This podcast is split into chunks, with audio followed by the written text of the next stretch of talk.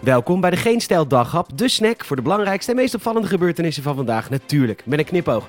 Met vandaag, het is te druk, Boris Johnson heeft het moeilijk en nu eens een keer geen datalek, OMT boos. Mijn naam is Peter Bouwman en dit is het nieuws van Koningsdag, 27 april.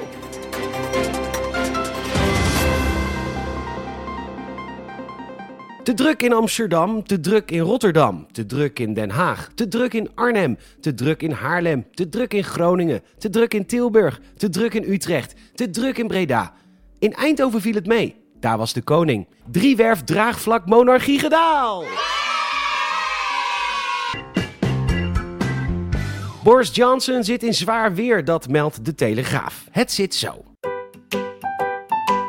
Boris had een best friend forever. Ze werden wel eens huppelend gezien in het gazon voor Buckingham Palace. Ze hebben allebei een kettingje met een half hartje en een beertje Paddington, zo Brits. En ze wisten samen de grootste partij van Engeland te worden. Deze BFF is Dominic Cummings, maar helaas zijn de twee jochies inmiddels gebrouilleerd. Iets met Boris die een transformer van Dominic heeft gesloopt. Boris zegt dat dat per ongeluk ging omdat hij op een stukje Lego stond die Dominic zou opruimen. Heel gedoe. Dominic is dus boos en is nu allemaal dingen aan het lekken in de media en in het bijzonder naar de krant The Daily Mail. Eerder ook zo'n hecht clubje vrienden van Boris, maar ze hebben nu uiteindelijk de kant van Dominic gekozen. En dus lult Dominic allemaal geheimen door naar die krant. Boris heeft zijn ambtelijke woning verbouwd voor 60.000 pond en dat is een verdubbeling van wat mag. Boris heeft gezegd dat hij liever stapels lijken bij de ziekenhuizen zag dan een nieuwe lockdown. Het is te hopen dat de koningin de jongens bijeenroept en hen elkaar een hand laat schudden en sorry tegen elkaar laat zeggen. Dat zou de meest volwassen uitkomst zijn van dit hele akkefietje. De notulen van de geplaagde ministerraadsvergadering zijn openbaar gemaakt. En wat denk je? Er werden dingen openlijk besproken. Er werd zelfs kritiek geuit op kritische Kamerleden. En er werd zelfs, en dit is natuurlijk echt van de pot gerukt, een strategie bedacht om voor het kabinet zo goed mogelijk door de toeslagenaffaire heen te komen. Zijn ze nou helemaal gek geworden? Een beetje politiek bedrijven over de ruggen van andere politici. Dat zou moeten worden afgeschaft, die anonieme vergaderingen. Overal een camera op, zodat er altijd politiek correct, zonder ook maar iemand te beledigen kan worden vergaderd, bestuurd, beslist en anders wegwezen. Nieuwe verkiezingen en dan, ja, ja, dan is de zetelverdeling ongeveer weer hetzelfde. En dan gaat het weer precies hetzelfde. Schande, nieuwe verkiezingen, weer dezelfde zetelverdeling. Jemig de pemig en dat noemt men een democratie. Walgelijk.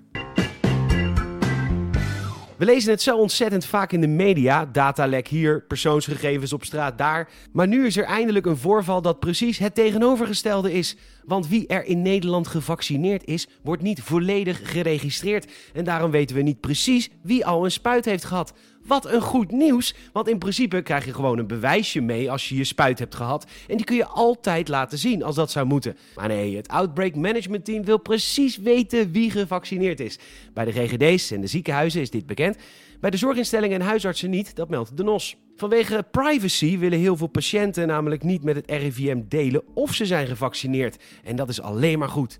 Had het RIVM misschien toch naar Lange Frans moeten luisteren en gewoon 5G-chips in die vaccins moeten stoppen? Heel interessant. Unilever is er maar druk mee. Innovatie.